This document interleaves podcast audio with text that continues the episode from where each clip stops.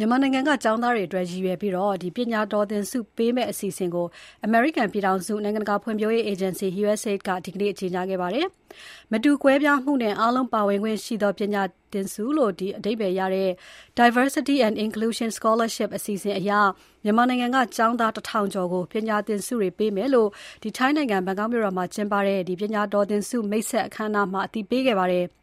အသက် ၂၅ နှစ်အောက် လူငယ် ၄၅ ရာခိုင်နှုန်းရှိနေတဲ့ မြန်မာနိုင်ငံအနေနဲ့ လူငယ်မျိုးဆက်သစ်တရပ် ပျောက်ဆုံးမယ့်အခြေအနေ ရင်ဆိုင်နေရတယ်လို့ အမေရိကန်သံရုံးအကြီးအကဲ Susan Steveenson ကပြောကြားခဲ့ပါတယ်။ဒါကြောင့်အမေရိကန်ပြည်ထောင်စုအနေနဲ့ Diversity and Inclusion Scholarship အစီအစဉ်ကနေတဆင့် အဲဒီအခြေအနေမျိုး ဆိုက်ရောက်မသွားအောင် တားဆီးဖို့ ကူညီဆောင်ရွက်တာဖြစ်တယ်လို့ ပြောပါတယ်။ USAID အာရှရေးရာ လက်ထောက်အုပ်ချုပ်ရေးမှူး Michael Schiffer ကလည်း ဒီပညာတော်သင်ဆုဟာ ဒေသတွင်း အဆင့်မြင့် ပညာရေးကဏ္ဍနဲ့ပတ်သက်လို့ မဟာဗျူဟာမြောက် ရင်းနှီးမြှုပ်နှံမှုဖြစ်တယ်လို့ ဖော်ပြပြောဆိုခဲ့ပါတယ်။ ပညာရေးနဲ့ပတ်သက်တဲ့ အမေရိကန်ရဲ့ သန္နိဋ္ဌာန်ချ ဆောင်ရွက်မှုတွေကို